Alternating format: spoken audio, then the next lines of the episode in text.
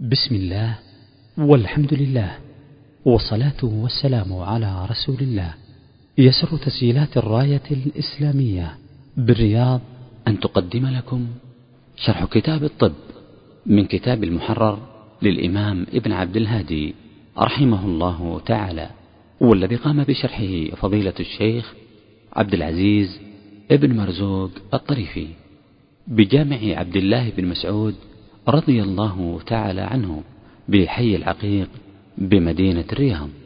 والآن نترككم مع الشريط الأول. بسم الله الرحمن الرحيم. الحمد لله رب العالمين والصلاة والسلام على أشرف الأنبياء والمرسلين وعلى آله وصحبه ومن تبعهم بإحسان إلى يوم الدين. قال المؤلف رحمه الله تعالى كتاب الطب. الحمد لله رب العالمين وصلى الله وسلم وبارك على نبينا محمد وعلى آله وأصحابه ومن تبعهم بإحسان إلى يوم الدين أما بعد. فالطب مما اعتنى به الإسلام وكذلك أيضا رجاله فكان غير واحد من أصحاب رسول الله صلى الله عليه وسلم ممن يعتني به. والطب المراد به التداوي. التداوي من العلل البدنية كذلك أيضا النفسية. أما بالنسبة للعلل الروحية فإنه في جل أجناس الطب وأنواعه لا تأتي لا تأتي عليه. وذلك لأن الروح مما يجهلها الإنسان. وذلك لقول الله جل وعلا في كتابه العظيم لما سئل النبي صلى الله عليه وسلم عن الروح قال إن الروح من أمر ربي وما أوتيتم من العلم إلا قليلا. فأمر الروح إلى الله جل وعلا لا يمكن لأحد أن يتحقق من منها ومعرفة كنهها فضلا عن معرفة أعراضها التي تطرأ عليها. وذلك أن الإنسان إذا أراد أن يداوي في جسده فإنه يداوي ثلاثة. أولها الجسد الثاني النفس ثالثها العقل. وأما الروح فإنها ليست من مطارق ومداخل الإنسان. وقد جاء عن رسول الله صلى الله عليه وسلم جملة من الأخبار بالحث على التداوي كما في قول رسول الله صلى الله عليه وسلم تداووا. ولا تداووا بحرام وهذا وهذا حث على التطبب. وحاط النبي صلى الله عليه وسلم هذا الأمر العظيم بجملة من الحياطات من بيان تحريم التصنع فيه. وقد جاء عن رسول الله صلى الله عليه وسلم كما رواه عمرو بن شعيب عن أبيه عن جده أن رسول الله صلى الله عليه وسلم قال من تطبب ولم يعلم منه طب فهو ضامن. يعني أنه يضمن ما وقع فيه وذلك أن الطب هو علاج للأبدان. فيحرم على الإنسان أن يفتي أو يعالج فيه بجهل ويأتي بعد ذلك خطرا بعد التجرؤ التجرؤ على الأديان. ومعلوم أن العلوم على نوعين كما ذكر ذلك الشافعي عليه رحمة الله أولها علوم الأديان ثانيها علوم الأبدان. وأما ما يتعلق بعلوم الأديان فمردها إلى الوحي. وأما بالنسبة لعلوم الأبدان فمردها إلى تجربة الإنسان كذلك ما توصل إليه من علم بشيء من نصوص من نصوص الوحي. وإذا دل دليل عن رسول الله صلى الله عليه وسلم أن شيئا من المأكولات أو المشروبات أو الملبوسات أو المستنشقات أو ما يدركه الإنسان على جسده أنه من من من أنواع العلاج والطب. وجب أن يؤخذ على التسليم. وأما ما يرد به بعض أهل الطب فيما جاء عن رسول الله صلى الله عليه وسلم فمرده إلى قواعد الطب ومعرفة أدواء أدواء النفوس. وذلك أن الأدوية كما أن فيها أخلاطا كذلك أيضا بالنسبة للأمراض فإن الأمراض قد تكون مركبة من أكثر من نوع. وإذا جاء في الشريعة النص على أن هذا الدواء هو علاج لكذا أو علاج لشيء مركب ونحو ذلك فإنه لا يناسب أن يجعل ذلك الدواء على نوع لم يقصده رسول الله صلى الله عليه وسلم. ومعلوم كما أنه في الشريعة الأحكام تفتقر إلى معرفة الدليل من جهة صحتها كذلك معرفة معرفة وجوه تنزيلها على النحو والقدر الذي أراده رسول الله صلى الله عليه وسلم. وربما ناسب الدواء الحالة في حالها لكنه لا يناسبها في مآلها. كذلك في الفتوى فربما كان في تنزيل حكم من الأحكام مفسدة أوجب الشارع درءها بتعطيل ذلك. وهذا معلوم في العلوم كذلك أيضا في الطب. الطب قد اعتنى به العلماء وجماعة من أصحاب رسول الله صلى الله عليه وسلم وذلك للحفاظ على الأبدان. فالله جل وعلا خلق الإنسان وأمره بعناية وصيانة جسده. وهذا مقتضى قول الله جل وعلا وما خلقت الجن والإنس إلا ليعبدون لما خلقهم الله جل وعلا للعبادة ولا يمكن أن تتحقق هذه العبادة إلا بحفظ ذلك المخلوق.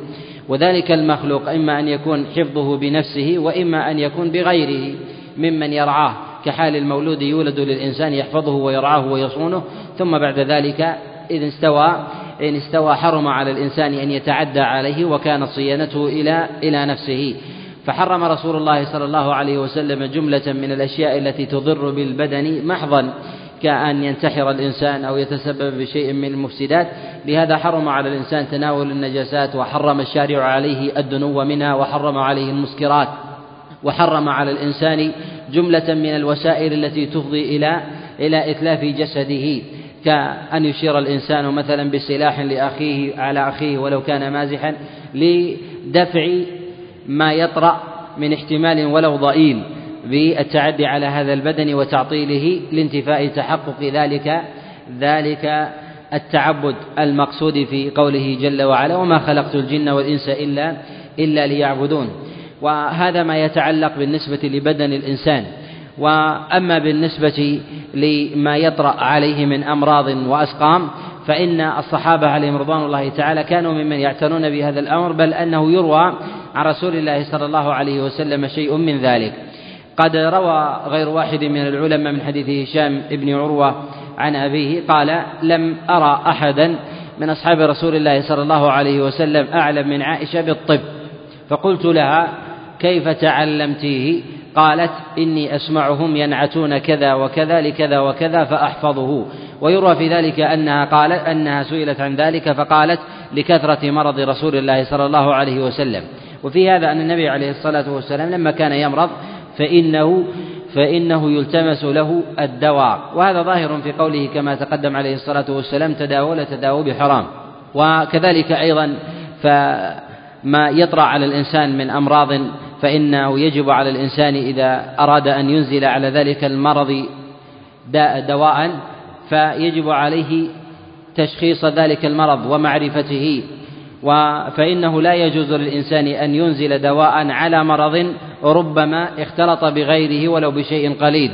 فإذا استعمل ذلك الدواء ناسب الأكثر من الخلطاء. من الأمراض والأسقام إذا اجتمعت في الإنسان لكنه لا يناسب شيئا منها فربما أفسد الإنسان نفسه لإتيانه بدواء يعالج الأكثر ولا يعالج ولا يعالج الأدنى.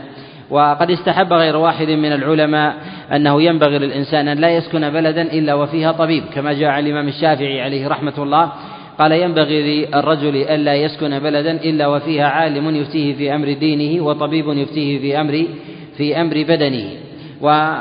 وهذا تأكيد لما تقدم الإشارة إليه. وهنا مسألة وهي تتعلق بمسألة التطبب والتداوي. هل هو الأولى للإنسان أم أن الإنسان يصبر على هذا الأمر؟ للعلماء في هذا جملة من آه، الأقوال تحتمل هذا وذاك. ولكن في تحديد هذه المسألة ينبغي أن يعلم أنه لا يعلم عالم على وجه هذه البسيطة من أهل الإسلام حرم التداوي إلا بما دل الدليل عليه. عن رسول الله صلى الله عليه وسلم. ومن العلماء من أوجب التداوي ومنهم من قال باستحبابه ومنهم من قال بجوازه بحسب نوع المرض وأثره على البدن.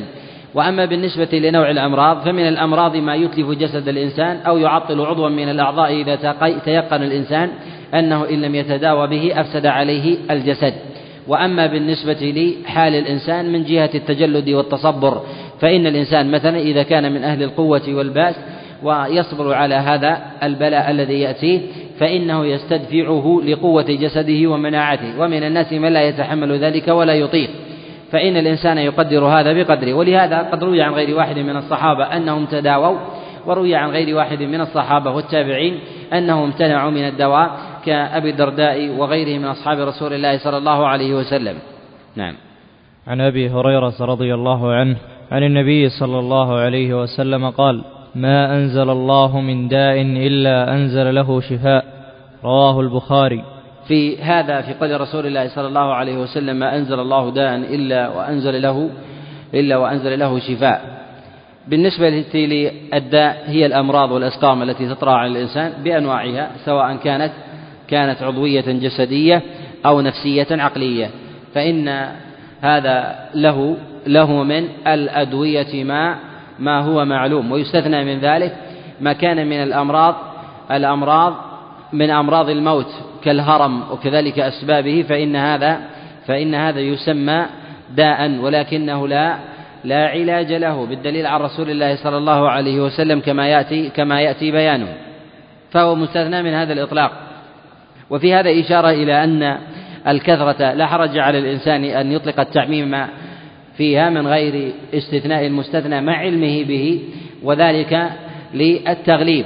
وغالب النصوص التي ترد في كلام الله وفي كلام رسول الله صلى الله عليه وسلم تطرأ على التعميم مع وجود نوع لا يدخل لا يدخل فيها. فيقال إن هذا الاستثناء الوارد في ذلك إما لعلمه أو لبيانه مثلا في موضع آخر أو أو يقال أن هذا لم ينزل به نص حين هذا الإطلاق.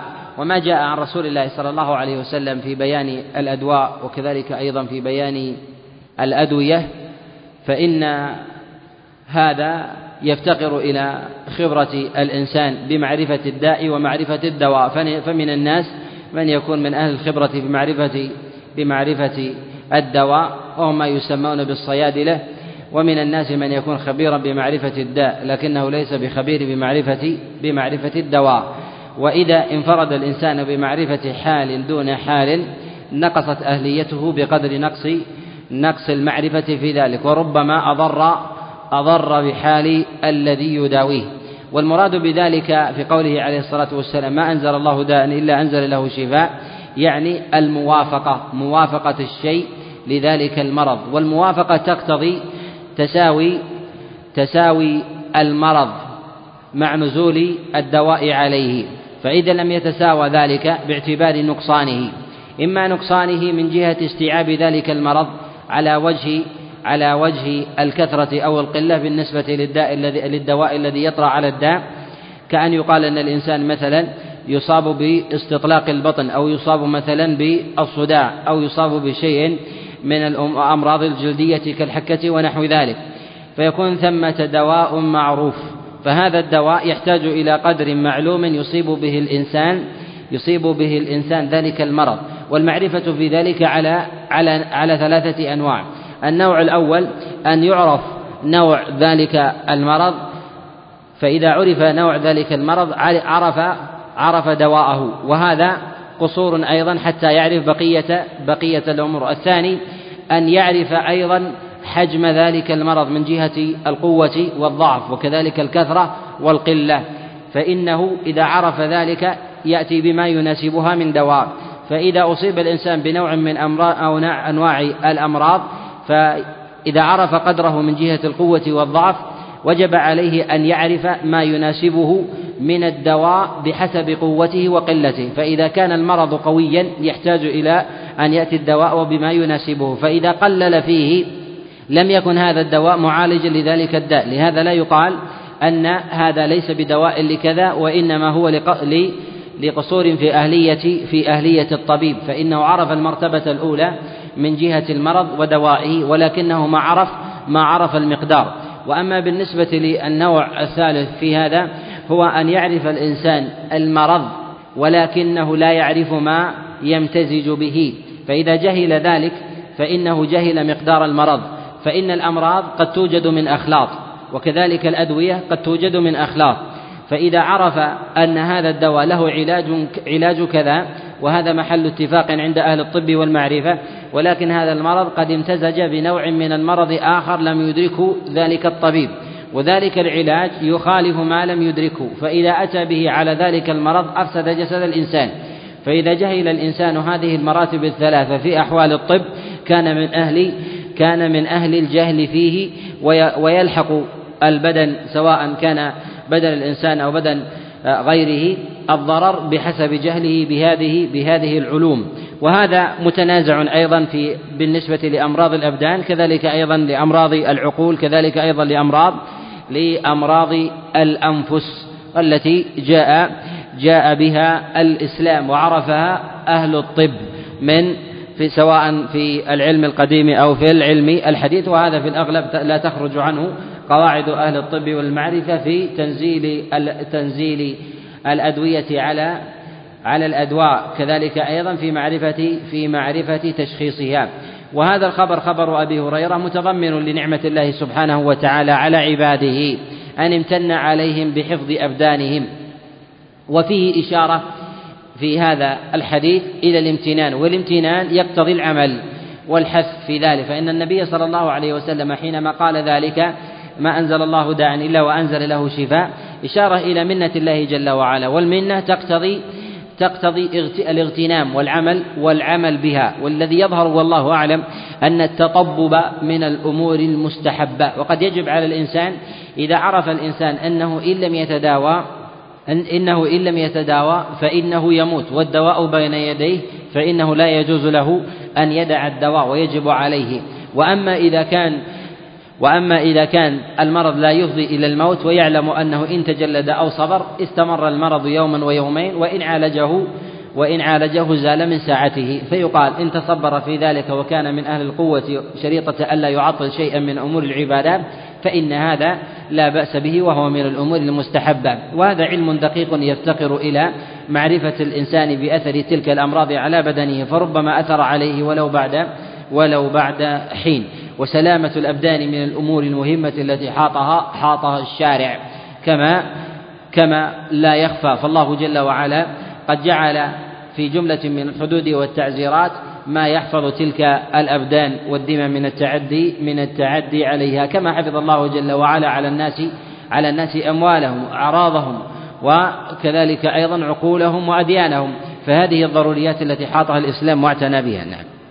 أحسن الله إليك. عن جابر عن رسول الله صلى الله عليه وسلم قال لكل داء دواء. فإذا أصيب داء فإذا أصيب دواء الداء برأ بإذن الله. رواه مسلم. في هذا الخبر إشارة إلى أن علاقة الدواء بالنسبة للداء علاقة موافقة وعدم موافقة. وذلك أن الأدوية إذا وافقت الأمراض أي أصابتها فإن هذا هو هو الدواء وليست المسألة علاقة علاقة البحث.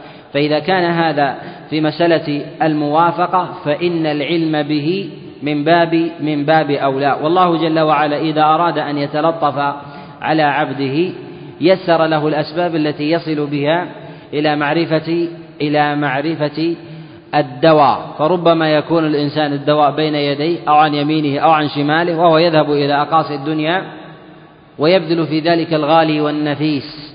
والدواء بين بين يديه فذلك الذي لم يرد الله جل وعلا له له شفاء. وهذا متعلق بالامور بالأمور القدرية والأخذ بالأسباب. وفي هذا استحثاث للبشر بتعلم ذلك والأخذ بالأسباب أي أن الإنسان يمارس أو يجرب بعض الأشياء سواء كان من الأخلاط أو الأفراد في موافقتها لذلك لذلك الداء. فإن وافقت فإن الإنسان يشفى بإذن الله جل وعلا على التأصيل الذي تقدم الإشارة إليه في معرفة المراتب والأنواع والأنواع الثلاثة. نعم. صلى الله عليك. وعن أسامة بن شريك قال قالت الأعراب يا رسول الله أنا تداوى. قال نعم يا عباد الله تداووا فإن الله لم يضع داء إلا وضع له شفاء إلا داء واحد. قالوا وما هو؟ قال الهرم. رواه أحمد وأبو داود وابن ماجه والنسائي والترمذي وصححه وابن خزيمة وابن حبان وصححه الدار قطني أيضا. هذا حديث صحيح ومن حديث زياد سامع رسول الله صلى الله عليه وسلم وفيه تضمن إشارة إلى أهمية التداوي وفيه إشارة إلى حرص أصحاب رسول الله صلى الله عليه وسلم ولو كانوا من الأبعدين عنه. وسواء كانوا من أهل المدينة أو من الأعراب سؤال رسول الله صلى الله عليه وسلم عن سلامة الأبدان. وفي هذا أيضا مشروعية رجوع الإنسان في حتى في معرفة الحلال والحرام من أجناس الدواء إلى أهل العلم والمعرفة. وذلك أن الدين بين أصول الطب وبين أجناسها وبين شيئا من أنواعها وترك ذلك إلى الإنسان يعرفه يعرفه بخبرته. فيكون الإنسان في ذلك إما من أهل الجهل أو يكون من أهل من أهل العلم فيه. وسؤالهم لرسول الله صلى الله عليه وسلم في قوله في قولهم أنا تداوى؟ قال تداوى لا تداوى بحرام. وهذا متضمن لما جاء في سنن أبي داود أيضا من حديث أم سلمة أن رسول الله صلى الله عليه وسلم قال إن الله لم يجعل شفاء أمتي فيما حرم عليها. وفيه الإشارة إلى أن الله جل وعلا جعل الأمور الأمور التي يتداوى بها الإنسان على نوعين. أمور مباحة وهذا يجب على الإنسان أن يسلكه. أمور محرمة فإنه يحرم على الإنسان أن يبحث أن يبحث فيها فضلا عن التطبب التطبب فيها. وثمة مسائل قد تطرق إليها العلماء في معرفة حقيقة المحرم. الذي جاء في هذا الخبر في قول رسول الله صلى الله عليه وسلم ولا تتداووا بحرام أو إن الله لم يجعل شفاء أمتي فيما حرم عليها. هل المراد بذلك أن ما أطلق التحريم التحريم فيه في الشريعة فإنه يحرم استعماله على أي وجه كان سواء على وجه القلة والكثرة أو على صفة الاستعمال؟ هل هو يحرم على الإطلاق أم أن التحريم في ذلك هو على وجه محدد قصده رسول الله صلى الله عليه وسلم؟ فنعلم مثلا أن لبس أن لبس الحر أن الحرير محرم في اللبس. فهل للإنسان مثلا أن يستعمله للدواء في غير اللبس؟ كذلك أيضا فإن الخمر حرمه الشارع لأجل في باب الشرب.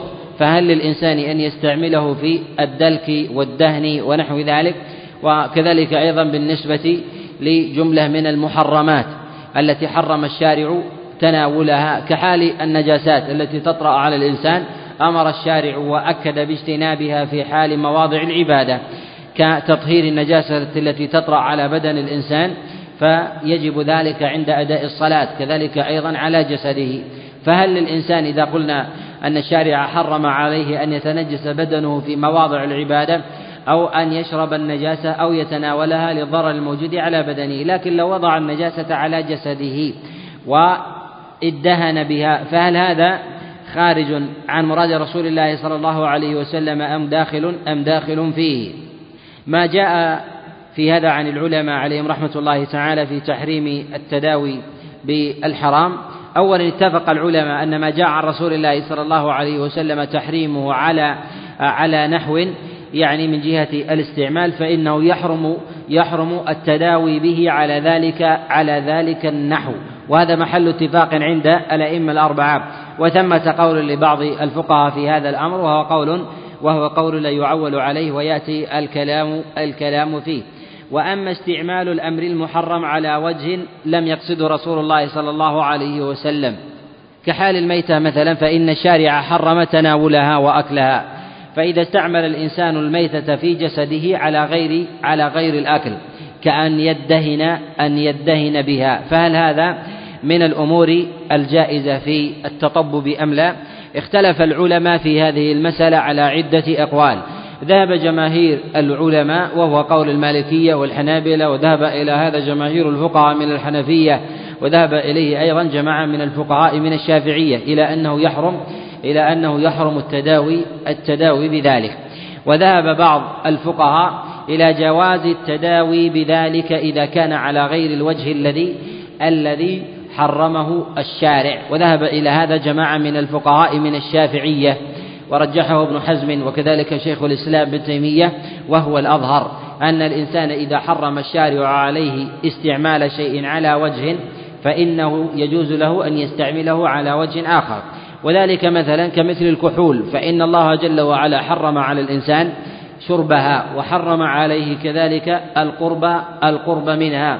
والمقصود من القرب هو أن تسول للإنسان نفسه من أن يشربها وإذا علم الإنسان أن دواءه في شرب هذه الخمر أو نصحه الأطباء على ذلك فهل يقال بالجواز؟ لا يقال بالجواز باتفاق الأئمة خلافا لبعض لبعض الأقوال الشاذة في هذا الباب كقول أبي ثور حينما قال أن الأطباء إذا أجمعوا أن شفاءه إذا شفاءه بشيء يسير من شرب الخمر فإن هذا فإن هذا جائز وهذا قول سيء كما قال ذلك الإمام أحمد عليه رحمة الله فإنه حينما سئل عن قول ثور قول أبي ثور هذا قال هذا قول سيء ذاك حرام. يعني ولو كان ولو كان بإجماع بإجماع أهل الطب. وأما إذا كان على نحو لم ينهى عنه رسول الله صلى الله عليه وسلم فالله جل وعلا نهى عن شرب الخمر ونهى عن لبس الحرير ونهى عن أكل الميتة ونهى كذلك عن أكل لحم الخنزير. فإذا استعمل الإنسان شيئا من ذلك على غير ما أراده الله جل وعلا من وجه التحريم. وكذلك ما جاء رسول الله صلى الله عليه وسلم فإن ذلك جائز على على الصحيح. فإذا ادهن الإنسان بخمر أو ادهن الإنسان بميتة أو أو امتشط مثلا بشيء محرم كعظم ميتة ونحو ذلك فإن هذا من الأمور من الأمور الجائزة. من جهة الاستعمال كذلك أيضا من جهة من جهة التداوي ويظهر في هذا أن رسول الله صلى الله عليه وسلم حينما قال إن الله لم يجعل شفاء أمتي فيما حرم عليها. فالمحرم علينا من جهة الخمر الشرب والمحرم علينا من جهة الميتة الأكل. وما عدا ذلك ليس لأحد أن يقول بتحريمه. فإن الإنسان على سبيل المثال لو قال أحد من العلماء أنه لا يجوز للإنسان لا يجوز للإنسان أن يمسك قارورة الخمر وأن يأخذها إلى موضع موضع آخر للإتلاف فهل هذا من الأمور المنهية عنها أم لا؟ يقال هذا ليس من الأمور المنهية عنها باعتبار أن قبض الخمر بمجرد القبض ليس كشرب شرب الخمر وذلك الاتفاق للاتفاق من وجهين الوجه الأول أن الإنسان في قبضه لقارورة الخمر وحمله إياها إلى موضع آخر هو نوع من أنواع نوع من أنواع التناول والأخذ وربما أيضا يكون نوع من أنواع التطبب كقبض الإنسان مثلا لبعض الأشياء التي ربما تؤثر على مفاصله وأعضاء وأعضاء جسده. وأما بالنسبة للخمر بالنسبة لشربها فإذا تناولها الإنسان ولو في فمه ثم ثم مجها. فيقال أن هذا أن هذا محرم باعتبار أن الشرب هو ما وصل إلى ما وصل إلى فم الإنسان وتسلل إليه إلى جوفه سواء كان بعمد أو غير عمد. فهو قد أخذ بأسباب وصول ذلك إلى جوفه وما أسكر كثيره فقليله حرام. ويقطع أن ما في فم الإنسان مما يتمضمض به سواء كان من ماء وغير ذلك يصل إلى جوفه شيء من ذلك قطعا. مما يتحلل يدركه الإنسان أو لا أو لا يدركه. فكلما قل ذلك لم يدركه الإنسان وإذا كثر فإنه يدرك ذلك.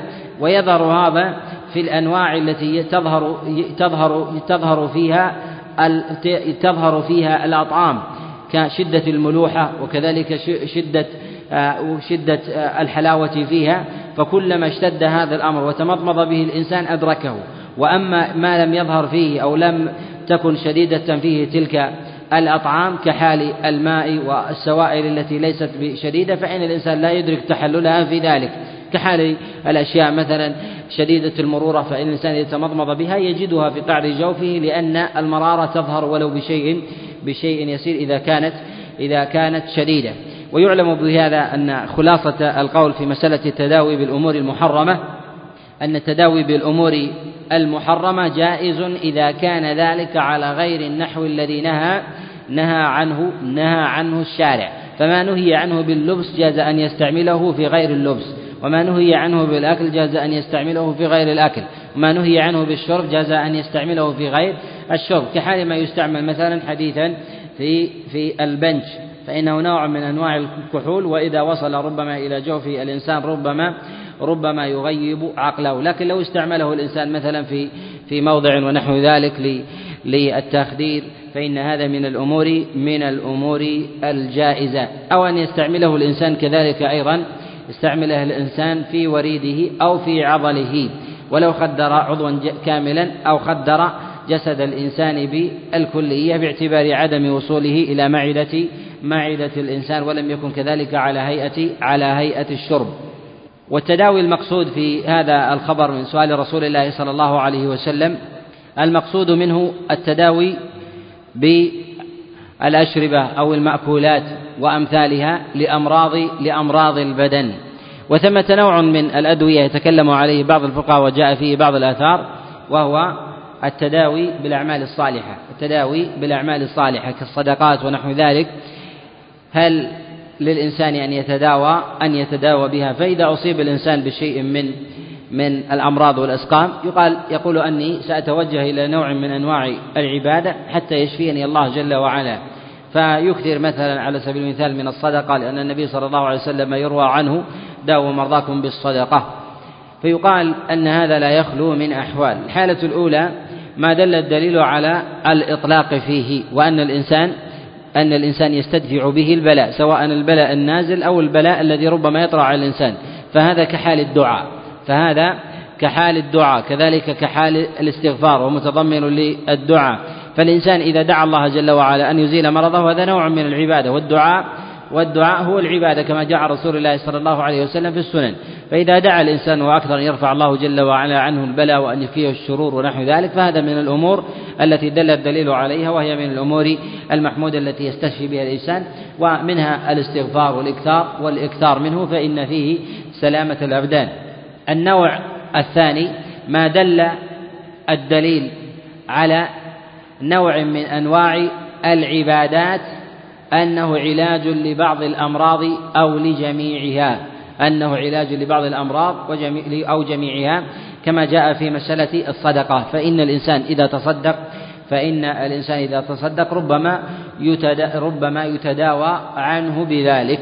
يقال أن هذا له صورتان. الصورة الأولى أن يقوم الإنسان بنفسه بذلك أن يقوم غيره بذلك. فإذا قام غيره بذلك. هل يشترط علمه باعتبار أن الإنسان إذا تصدق عن ابنه أو عن أمه بصدقة باعتبار أو يسأل الله عز وجل أن يشافيها بهذه الصدقة هل يلزم من ذلك العلم؟ ظاهر النص وإن كان فيه كلام أنه لا يلزم لا يلزم من ذلك. ولو قام بنفسه فإن هذا هذا هو الأولى لارتباط كثير من الأعمال بأمور بأمور النيات. وأما ما جاء عن رسول الله صلى الله عليه وسلم من قوله داووا مرضاكم بالصدقة فهذا خبر جاء عن رسول الله صلى الله عليه وسلم من حديث عبد الله بن مسعود وجاء أيضا من حديث عبد الله بن عمر وجاء من حديث عبادة بن الصامت وجاء أيضا من مرسل الحسن ويروى أيضا بلاغا عن الإمام مالك عن الإمام مالك عليه رحمة الله. ولا يصح من هذه الطرق شيء وأمثلها حديث عبد الله بن مسعود وقد رواه الطبراني من حديث موسى عن الحكم بن عتيبة عن إبراهيم عن الأسود عن عبد الله بن مسعود أن رسول الله صلى الله عليه وسلم قال داووا مرضاكم مرضاكم بالصدقة. وفي إسناده موسى وقد تفرد به ولا يصح. وقد جاء عند البيهقي وغيره في كتابه الشعب من حديث عبادة بن الصامت ويرويه إبراهيم بن أبي عبلة عن عبادة وإسناده في ذلك وإسناده في ذلك منقطع.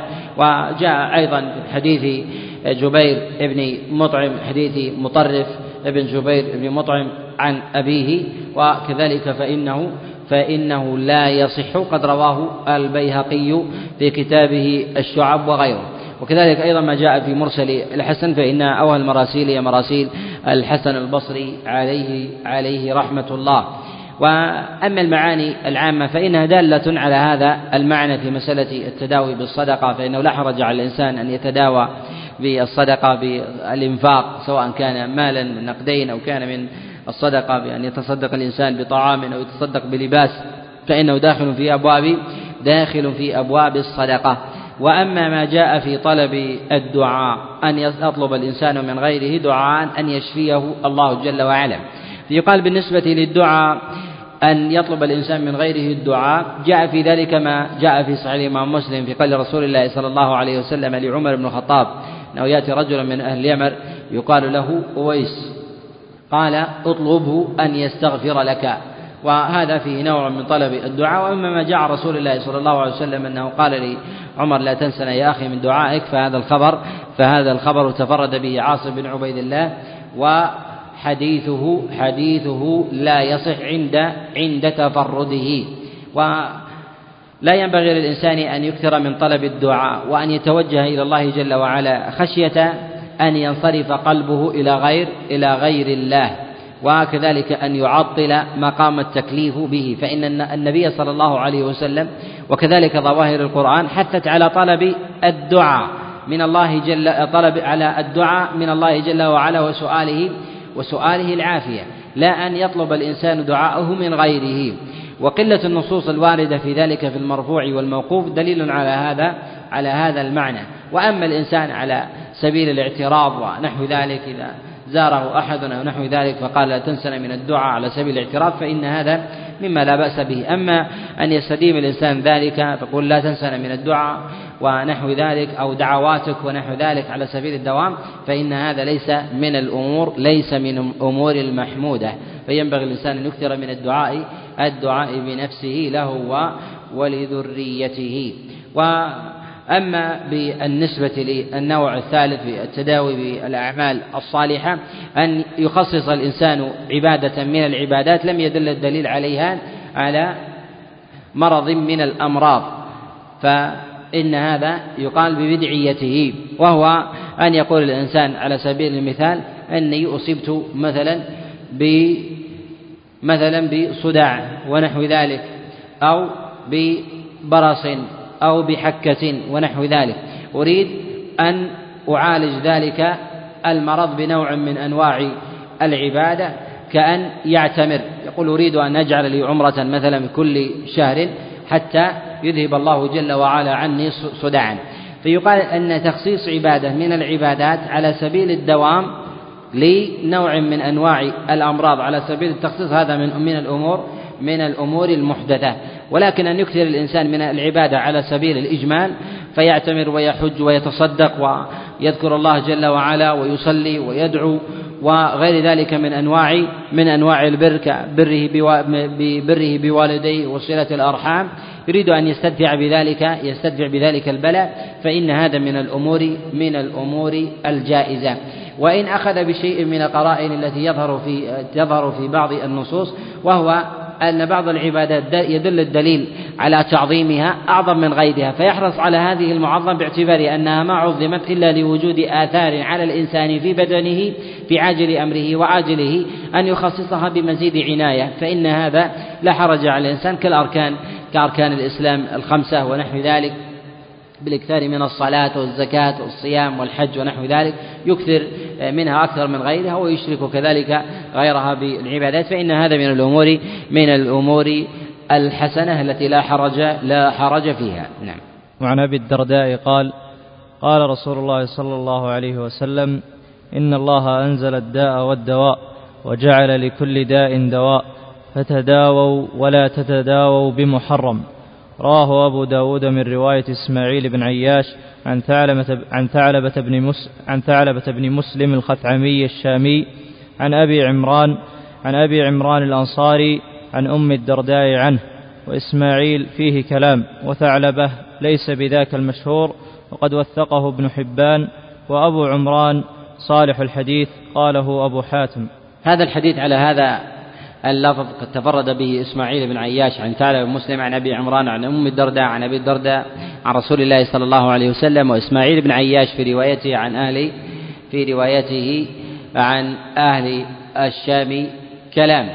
وهذا الخبر معلول ومعناه ثابت عن رسول الله صلى الله عليه وسلم في جملة من الأخبار منها ما تقدم وكذلك أيضا في حديث أم سلمة وكذلك أيضا في حديث عبد الله بن مسعود عليهم رضوان الله تعالى في النهي عن التداوي التداوي بالأمور بالأمور المحرمة. والتداوي بالأمور المحرمة قد تقدم تقدم الكلام عليه مما حل حاجة لإعادته هنا. نعم. صلى الله عليك وعن علقمة بن وائل الحضرمي عن أبيه أن طارق, أن طارق بن سويد الجعفي سأل النبي صلى الله عليه وسلم عن الخمر فنهاه أو كره أن يصنعها فقال إنما أصنعها للدواء فقال إنه ليس بدواء ولكنه داء رواه مسلم. هذا الحديث هو خاص بالخمر وقد اتفق الأئمة الأربعة على أنه ليس بدواء على الإطلاق في حال الشرب. وأما من قال بذلك بخلاف ذلك فهو قول شاذ لا يعول عليه كقول أبي أبي ثور. وتقدم الكلام في هذا أيضا في مسألة الخلاف في استعمال الدواء المحرم على غير النحو الذي دل الدليل على على تحريمه. أما بالنسبة للخمر وقد دل الدليل عليه من كلام الله جل وعلا وكلام رسول الله صلى الله عليه وسلم أن فيه منافع للناس. فهل يقال أن هذه المنافع أن أنها باقية بعد التحريم ومنها التداوي؟ كقول بعض الفقهاء في هذا الباب ما تكلم من المتأخرين يقال أنها ليست كذلك على على الباب الذي نهى عنه الشارع. ومن العلماء من قال أن تلك المنافع نسخت منه وسلبت منه بأمر الله جل وعلا بعد تحريمه. وقد نص على هذا بعض العلماء كالإمام الطحاوي كالإمام الطحاوي عليه رحمة الله. وهذا يفتقر إلى يفتقر إلى دليل بل يقال إنه ليس من الدواء ولا التداوي. التداوي سواء آه، قبل في أول قبل تحريمه أو بعد تحريمه. ويظهر من هذا الخبر أن العرب في الجاهلية كانوا يتداوون بالخمر ويصنعونه على أنه على أنه دواء. فجاء النبي صلى الله عليه وسلم بنفي ذلك. وأما من استدل بإثبات المنفعة في الخمر في كلام الله جل وعلا أن هذه المنفعة تسوغ للإنسان أن يتداوى به في حال الاضطرار في حال إجماع أهل الطب كقول أبي ثور وقيده بذلك بإجماع أهل الطب الثقات يقال هذا يفتقر إلى إثبات نوع المنفعة التي أثبتها الله جل وعلا. فالله سبحانه وتعالى أثبت المنفعة في الخمر ولكن نوع هذه المنفعة؟ هل هي في التداوي أم في كسب المال ونحو ذلك؟ أم بالأعراض التي تطرأ على الإنسان بعد شربه يراها منفعة؟ أم هذه منفعة يظنها الإنسان منفعة وهي منتفية على سبيل التحقيق؟ فيقال أن الجهل بنوع المنفعة لا يسوغ أو إثبات أصل المنفعة والجهل بمعرفة عينها لا يسوغ للإنسان أن يضعها كيفما كيفما أراد. فإذا حرم الشارع الشيء على سبيل التحديد بنوع من أنواع الاستعمال حرم على الإنسان أن يقول أنه يجوز له أن يتداوى به على ذلك النحو الذي سوغه رسول الله صلى الله عليه وسلم أو نهى نهى عنه. وذلك أن النبي صلى الله عليه وسلم كما في هذا الخبر قال إنها ليست بداء إنما هي إن, إن ليست بدواء إنما هي داء. يعني هذا نفي لإثبات العلاج العلاج بها. هل هو على الإطلاق؟ فيقال هذا معارض لما تقدم ترجيحه من أن الخمر لا حرج على الإنسان أن يتداوى بها في غير الشرب كدلك البدن ونحو ذلك. يقال أن الصواب في ذلك عدم دخول ذلك القول في عموم هذا الحديث وذلك أن العرب في ظاهر فعلهم استعمال الخمر لم يكونوا يستعملون في أبواب التداوي إلا إلا في الشرب وعليه ينزل ينزل النص. من العلماء من حرم الخمر من جهة الاستعمال في التداوي على الإطلاق سواء كان الأمر لازما في نفسه أو متعديا إلى غيره. ويستدلون بذلك ما جاء عن عبد الله بن عمر عليه رضوان الله تعالى أن رجلا من غلمانه عالج إبلا له بالخمر. فغضب عمر بن الخطاب فغضب عبد الله بن عمر ونهاه عن ذلك. وبالغ بعض الفقهاء من من المالكية كابن الماجشون عليه رحمة الله فقال يحرم على الإنسان أن يأخذ الخمر ويزيل ويزيل به النجاسة ولو من بالوعة الحمام ونحو ذلك. فقال أن هذا نوع من إزالة الأذى وهو محرم. مع أنه وضعه في مكان مكان نجاسة. وراد إزالتها قال يحرم عليه أن يفعل ذلك وإنما يفعله بشيء لا يستفيد منه على الإطلاق. حتى في تطهير شيء أو تنظيف أرض أو إزالة عين نجاسة ونحو ذلك. هذا قول لا يظهر صوابه وهو اجتهاد منه عليه عليه رحمة الله. نعم. وقال ابن مسعود وقال ابن مسعود في السكر إن الله لم يجعل كفاية يقول هنا يكثر استعمال شيء من العبادات كقراءة القرآن البقرة والعمران وقراءتها لزوال مرض معين بذاته. يقال أن البقرة وآل عمران دل الدليل عليها لأن النبي صلى الله عليه وسلم يقول كما في الصحيح إن أخذها بركة والبركة هي الزيادة. والزيادة تظهر في زيادة الخير أو في دفع الشر. في دفع الشر لأن الشر إذا دفع زاد الخير في زاد الخير في الإنسان. لهذا يقال لا حرج على الإنسان أن يتداوى بالبقرة وآل عمران على سبيل الاستشفاء وأن يكررها لكن شريطة ألا يجعل له حدا يلتزمه في ذلك. مثلا يقول أريد أن أقرأ البقرة كل يوم عشر مرات. السبت والأحد والاثنين والثلاثة لمدة شهر كامل التزام العشر فيه نظر لكن يقرأ متى ما نشط كرر هذا لا حرج عليه. تارة سبع وتارة عشر وتارة مرتين وتارة مرة وتارة مرة, مرة عشرين ونحو ذلك لا حرج عليه. لكن أن يعمد إلى شيء معين بعينه من القرآن لم يدل الدليل عليه ليستشفي به من مرض معين يقال أن هذا أن هذا خلاف السنة. مثلا أن يقرأ مثلا سورة الرعد أو يقرأ سورة يونس أو سورة الحج أو سورة الفرقان اي يستشفي بها من جراحة في جسده. أو يستشفي بها بزوال دينه ونحو ذلك ويكررها على نحو معين. وقال إن هذا يفتقر إلى دليل. والقرآن لا يخصص شيء منه لشيء إلا بدليل. ولا حرج على الإنسان أن يقرأ القرآن كله من أوله إلى آخره ويساوي بينه للاستشفاء باعتبار أنه أنه من الشفاء. لكن ما دل الدليل عليه كالبقرة وآل عمران ونحو ذلك فإن هذا من الأمور من الأمور الجائزة ولو كررها الإنسان. نعم. يقول بعض العلماء يستثني من داوى مرضاكم بالصدقة الذبح. أنه لا يذبح لشفاء المريض. يقال إن الذبح عبادة والعبادة في مثل هذا كحال الصدقة. عبادة. إن أراد الإنسان أن يذبح لفلان ونحو ذلك فهذا من الأمور المحرمة. لكن أن يتقرب لله جل وعلا بهذا الذبح باعتبار فضله كما في قول الله جل وعلا فصل لربك وانحر. ويوزع اللحم ونحو ذلك ويذكر اسم الله عز وجل ويأتي على الوجه المشروع ويريد أن يتصدق بذلك فهذا من الأمور الحسنة المحمودة. نعم. نعم. يقال بعض استعمال بعض الصور للعلاج كالزلزلة بالنسبة للحامل قراءتها عليها في حال ولادتها هل هذا يستعمل أم لا؟ يقال أنه ما لم يدل الدليل عليه لا ينبغي الإنسان أن يستعمل صورة بخصوصها لإزالة بلاء مخصوص ولكن يقرأها كسائر القرآن.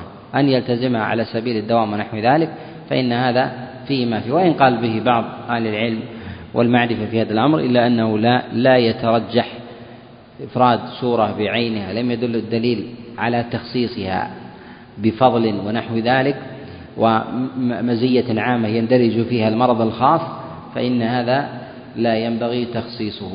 نعم. وصلى الله وسلم وبارك على نبينا محمد.